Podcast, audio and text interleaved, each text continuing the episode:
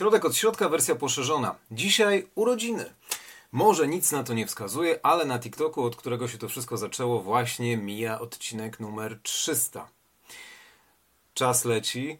Azjatyckość jest y, wspólnym mianownikiem każdego naszego materiału, dlatego także i właśnie w tym odcinku numer 300 pokazuje, że można iść wieloma ścieżkami, a jedną z nich, wrzucać wiele takich różnych pomysłów do jednego kotła, żeby gotować azjatyckie potrawy, ale jedną z nich na dziś jest wydarzenie, które mnie osobiście także połączyło jeszcze bardziej z Azją, mimo że już te związki były wcześniej silne.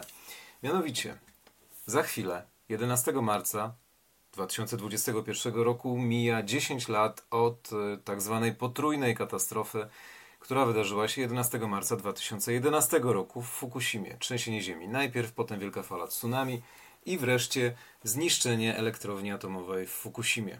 O tym opowiada książka, która na dziś, dylemat Yoshidy, Masao Yoshida, główny inżynier elektrowni, który sprzeciwił się e, postanowieniom rządowym, zrobił inaczej niż mu kazano i tym samym uratował wiele osób, nie tylko na miejscu, ale prawdopodobnie zapobiegł ewakuacji Tokio. Kto wie, jakby się wydarzenia miały, jeżeli by elektrownia wybuchła na całego, a nie tylko tak jak w ten niewielki sposób widzieliśmy. I gdyby trzeba było ewakuować dziesiątki milionów osób z e, całej stolicy Japonii. Ówczesny premier Naoto Kan obawiał się takiego scenariusza, bowiem wówczas trudno byłoby mówić o tym, że Japonia jest jeszcze takim samym krajem jak wcześniej. Oczywiście, z opresji wychodzono już nie raz, ale takiego czegoś, co by mogło wydarzyć się po ogromnej eksplozji atomowej w Fukushimie, jeszcze nie przeżył nikt. Natomiast Japonia, jako kraj, jako jedyny potraktowany atomową bronią podczas II wojny światowej, miała wszelkie mm, powody ku temu, żeby protestować przeciwko atomowi. Natomiast historia potoczyła się dla Japonii tak, że od państwa dającego atom przyszło im zależeć. I Stany Zjednoczone, stanowiące siły okupacyjne w Japonii od 1945 do 1952 roku, ugruntowały swoją pozycję jako partnera, z którym się nie negocjuje. Narzucały swoje warunki, rozdawały karty, jeżeli chodzi o mówienie, kto jest zbrodniarzem wojennym, a kto nie. Potrafiły zdjąć z osób e, wcześniej nazwanych zbrodniarzami klasy A, czyli najcięższej, tą, ten, ten opis, tą klasyfikację, wybielić ich, włożyć do nowych rządów, tych czy, in, tych czy innych, a także stworzyć w rezultacie system partyjny, który jest obecny do dziś. Bowiem system z 1955 roku funkcjonuje praktycznie niezmienionej formie aż po dziś dzień, tak jak japońska konstytucja narzucona przez Amerykanów jest wciąż aktualna bez ani jednej zmiany. Dlaczego zatem książka o Fukushimie się przydaje? Jeżeli doszło do e, tak dużego wypadku atomowego, który mógł być jeszcze o wiele gorszy w skutkach, powstawało pytanie, co do niego doprowadziło. Pracowała komisja rządowa, która po kilku miesiącach pracy stwierdziła coś takiego. Tutaj cytat z Kiyoshi Kurokały, przewodniczącego parlamentarnej komisji do spraw zbadania tragedii z 11 marca 11 roku. Trzeba przyznać, a jest to bardzo bolesny fakt, że była to katastrofa made in Japan.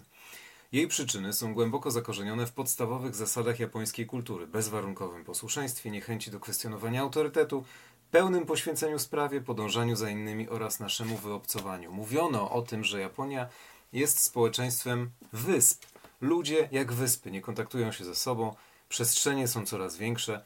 No i tak jak teoretycznie w micie założycielskim, że boska para Izanami i Izanagi tworzyła wyspy japońskie z piany, tak ci ludzie obecni sprawiali wrażenie wysp, y, tym bardziej według komisji rządowej, która miała te wypadki w Fukushimie jakoś rozwikłać. Made in Japan przylgnęło zatem jako określenie pełne nowego znaczenia, nie jako coś dobrego, jako coś, co daje jakość nieporównywalną nigdzie indziej na świecie, niespotykaną nigdzie indziej, ale jako coś, co niby niczym betonowe buty, kamień na szyi ciągnie w przepaść, z której nie ma ratunku.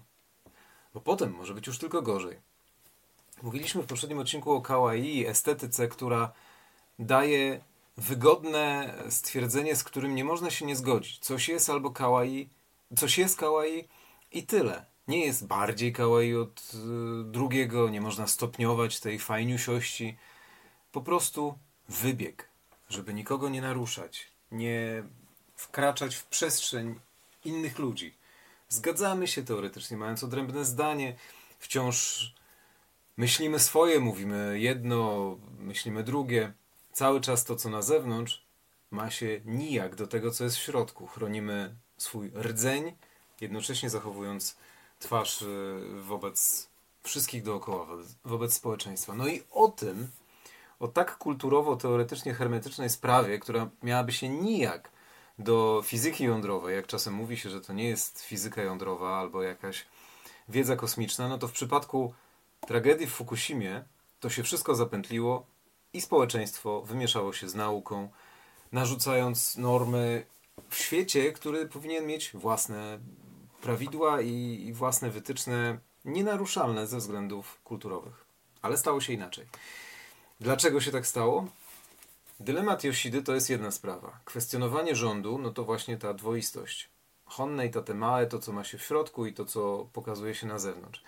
Czyli główny inżynier, który sprzeciwił się e, wytycznym narzuconym przez kancelarię premiera, w ciągu kilku godzin podjął decyzję, każda minuta była cenna, uratował ludzi na miejscu, uratował teoretycznie ludzi w Tokio, a także w co najmniej połowie Japonii i nie mamy co y, przesadzać, mówiąc coś takiego, wpłynął na to, że losy świata nie zmieniły się aż tak bardzo. Jak zmieniłyby się? Trudno powiedzieć. Ale mamy Japonię, która po 1945 roku jest jedynym krajem na świecie, wciąż do tej pory, doświadczonym przez y, broń atomową. Hiroshima, Nagasaki, 6-9 sierpnia 1945 roku. No i jednocześnie narzucenie woli okupanta, który te bomby zrzucił, dokręcenie śruby ekonomicznej, politycznej, jakiejkolwiek, biurokratycznej, tak, że nie można było o tych wypadkach mówić. Nie można było czcić pamięci ofiar. Temat atomu mógł mieć tylko jedną twarz. Tylko dobra energia. Tylko pozytywna siła, która pozwoli wspiąć się na wyżyny ekonomiczne.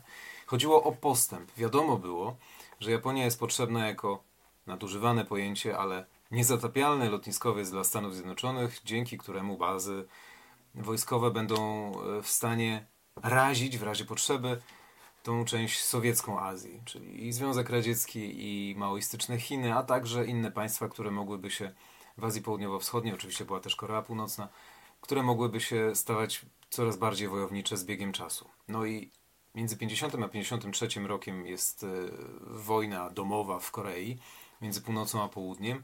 Sprawy mają się coraz gorzej. Wisiała na włosku wcześniej interwencja w, na początku roku 50. Interwencja chińska na Tajwanie. Wówczas, jeżeli by doszło do niej, sprawy miałyby się także inaczej, ale nie doszło do niej. Była wojna w Korei. Stany Zjednoczone twierdziły, coraz bardziej utwierdzały się w tym, że Japonia musi być ich i musi być skutecznie prowadzona. Żeby skutecznie prowadzić kraj zniszczony po wojnie, trzeba było dać możliwość szybkiego zarobku, poprawić sytuację ekonomiczną, no a do tego przydawał się atom. Ale jak przekonać do energii atomowej kraj, który od atomu ucierpiał najbardziej? Trzeba było stworzyć skuteczny mechanizm propagacji tych wiadomości, indoktrynacji poprzez media. Była taka osoba, e, która nazywała się Matsutaro Shioriki. To był pan, który w pewnym momencie przejął jedną z głównych gazet japońskich, dziennik Yomiuri, który stworzył z największych gwiazd japońskiego baseballa drużynę gigantów Yomiuri Giants. Mówi się, że nawet stworzył ją po to, no to jest to drużyna wciąż obecna do dziś i bardzo popularna, że stworzył ją po to, by nakręcać sprzedaż gazety jeszcze bardziej, że to nie chodziło o wyniki sportowe, tylko o sprzedaż y, i poprawę pozycji na rynku mediów. I także człowiek, który był w stanie wywindować czytelnictwo dziennika Yomiuri z poziomu 50 tysięcy mm, na początku wojny do 800 tysięcy pod koniec. To był człowiek, który przekształcał niby jak król Midas, czego by się nie dotknął, od razu przekładało się w złoto. Natomiast e, Matsutaro Siokichi był człowiekiem, który został zaklasyfikowany jako zbrodniarz klasy A, najcięższej po II wojnie światowej, ale z którego Amerykanie zdjęli ten opis i pozwolili mu wrócić do biznesu. Zakulisowo także do polityki, ponieważ bardzo szybko to właśnie szef najbardziej e, opowiadającego się po linii rządowej dziennika Yomiuri, tak jest do dziś, stał się również szefem japońskiej komisji atomowej, który miał sprawować pieczę nad tym, żeby e, o atomie mówiono dobrze. Jak można było to zrobić? Zdecydowano się na system wystaw, takich expo, które krążyły po Japonii w 11 miastach na przełomie 55 i 56 roku. Opowiadano o tym, co może dobrego wypłynąć e, z atomu. Ludzi przychodziło tam setkami tysięcy i sceptycyzm wobec atomu malał. Na przestrzeni drugiej połowy lat 50. XX wieku z 70% ludzi, którzy byli nastawieni nieprzychylnie wobec energii atomowej, pamiętając to, co się wydarzyło podczas wojny, bo nie mówiono o tym oficjalnie, ale pamięć istniała wśród ludzi, do 30% zaledwie tych przeciwników atomu na przestrzeni zaledwie kilku lat, już do roku 60, a wtedy podpisano oficjalny pakt o bezpieczeństwie, tak ANPO, między Stanami Zjednoczonymi a Japonią, no i związano te kraje już formalnie na papierze, mimo że te związki były wcześniej. Matsutaro Shokichi obecnie, według e, dokumentów odtajnionych przez CIA, był przez lata amerykańskim agentem. Zarówno Partia Liberalno-Demokratyczna, jak i Yomiuri dostawały miliony dolarów miesięcznie stałego dochodu, żeby ta sympatia wobec Stanów Zjednoczonych nie gasła. Żeby nastroje nacjonalistyczne były cały czas aktywne, żeby lewica nie mogła dojść do głosu i żeby było pomyśli Amerykanów. Nie miejmy złudzeń, że teraz jest inaczej. Tylko jeszcze nie odtajniono odpowiednich dokumentów. Mamy e, rozdział piąty, który nazywa się Dłoń siły, The Hand of Power, opisujący wydarzenia bardzo ważne z perspektywy indoktrynacji e, atomem i indoktrynacji taką wiedzą, że wszystko będzie dobrze. Tworzeniem czegoś, co obecnie nazywane jest od lat jako Anzen Shinwa, mit o bezpieczeństwie w domyśle atomowym. Anzen to bezpieczeństwo, Shinwa to podanie, legenda. W Japonii stworzono sposób myślenia, e, z którym nie dyskutowano. Energia atomowa była bezpieczna, łatwiej było o wypadek e, samochodowy niż o ucierpienie w wyniku jakiegoś wypadku atomowego w elektrowni atomowej. Nagle okazało się, że jeżeli nic się nie dzieje przez lata, to jeżeli zadzieje się raz, jak w przypadku Fukushimy, konsekwencje mogą być katastrofalne i nieporównywalne do nawet setek tysięcy wypadków drogowych, które dzieją się na co dzień.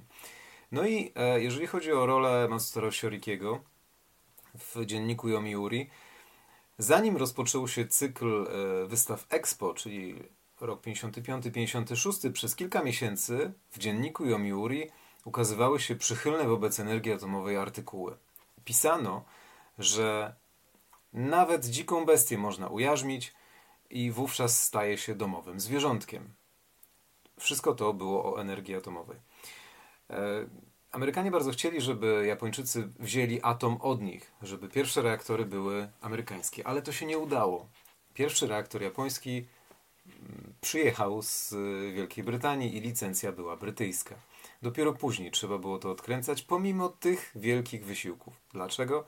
Bo 1 marca 1954 roku, i tutaj marzec po raz kolejny staje się miesiącem bardzo ważnym, jeżeli chodzi o rocznice związane z atomem, 11 marca Fukushima 2011, a 1 marca 1954 roku próba atomowa, e, która nazywała się Castle Bravo, to była pierwsza próba e, wodorowej bomby termonuklearnej na atolu Bikini na Pacyfiku, nazwa znana, próba znana i jej skutek również zapadł w pamięć, ponieważ zupełnie przypadkiem grupa rybaków na Kutrze Szczęśliwy Smok numer 5 Fukuryu Maru Daigo Lucky Dragon number 5 23 e, rybaków znalazło się na obszarze zagrożonym promieniowaniem. Nie mieli radia, nie wiedzieli gdzie są, znaczy wiedzieli gdzie są, ale nie wiedzieli co się dzieje dookoła nie zdawali sobie sprawy z zagrożenia, po prostu robili swoje, wypłynęli po ryby i z rybami zaraz mieli wrócić.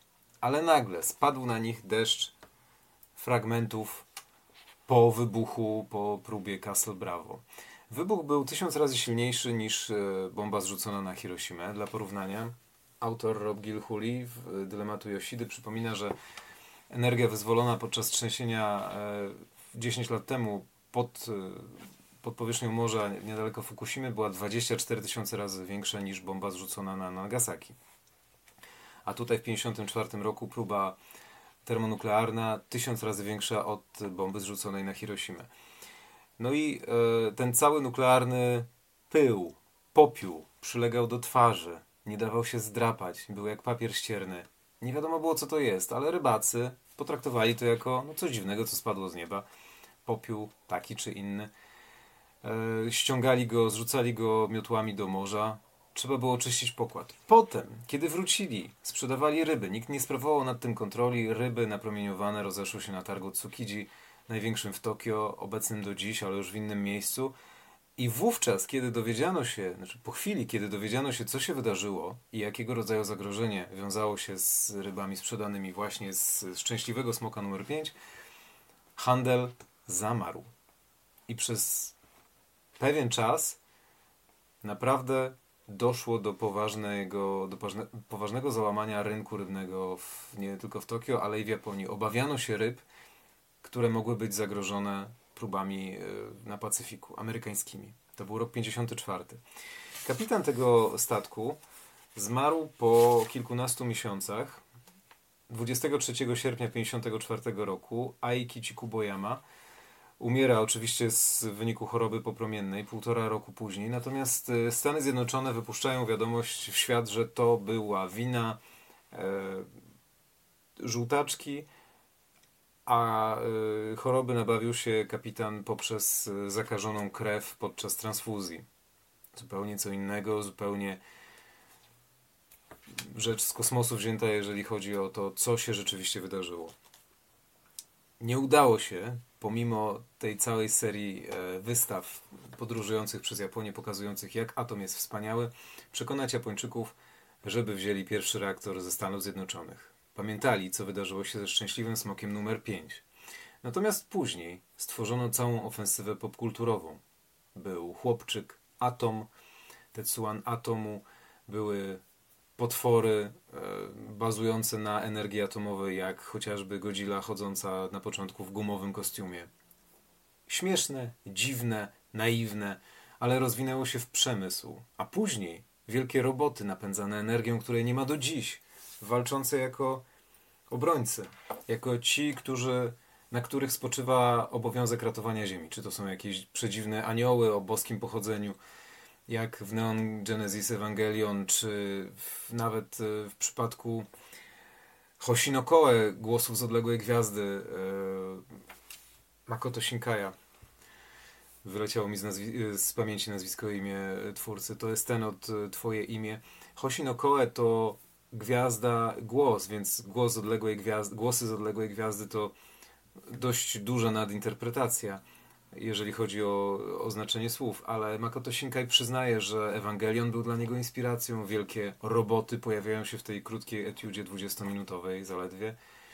Mamy przyszłość, rok 2047 to jest teoretycznie ten moment, kiedy dla nas, przyzwyczajonych do mówienia o Azji bieżącej, Hongkong przestanie być e, tym odrębnym państwem, mimo już teoretycznie nowych ustaleń e, legislacyjnych już nim nie jest, ale 2047 to jest dla ludzi zajmujących się Azją granica teoretycznej, półwiecznej suwerenności takiej czy innej Hongkongu wobec Chin. A tutaj Makoto Shinkai wybiega w przyszłość i pokazuje, że w tym roku e, ludzkość broni się przed atakiem jakiejś dziwnej kultury, rasy Tarsjan, na Syriuszu, skąd wiadomość na Ziemię idzie 8 lat.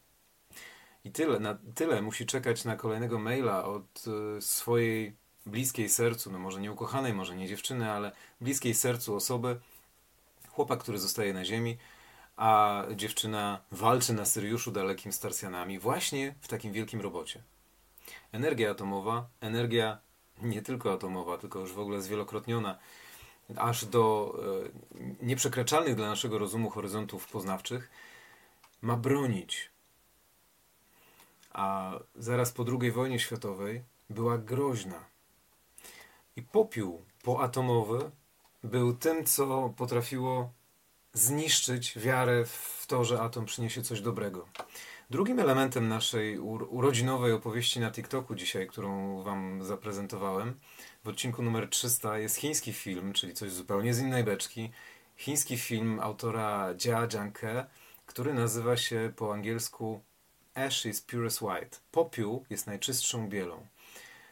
Po chińsku to jest Jianghu Arnu, czyli synowie i córki Jianghu, półświadka, świata gangsterów, mafii. To jest opowieść o Chinach na przestrzeni lat. Piękna rzecz. 2001-2018 dzieje się akcja takie bardzo niechińskie, bo dużo, dużo dosadności o tym, co robi mafia, a, a filmy, które mają styczność z cenzurą w Chinach nie kojarzą się aż z tak dosłownym opisywaniem. Polecam Waszej uwadze również. Skoczyliśmy sobie z Fukushimy do świata nowoczesnych Chin, otwierających się właśnie na przestrzeni takich 17 lat. Dużo, mało, wszystko się zmienia.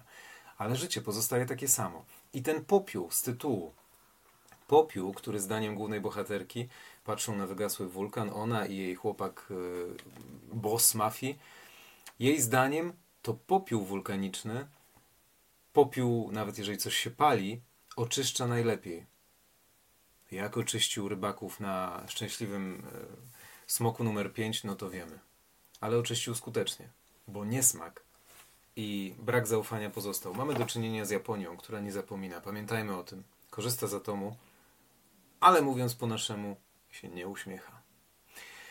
Bardzo dziękuję za dotychczasową podróż od końca czerwca poprzedniego roku przez 300 odcinków na TikToku. Obiecuję kolejne, bo to dopiero początek podróży. Dylematów takich czy innych będzie więcej. Niedługo rocznice w marcu, ważne dla Japonii, ważne i dla nas.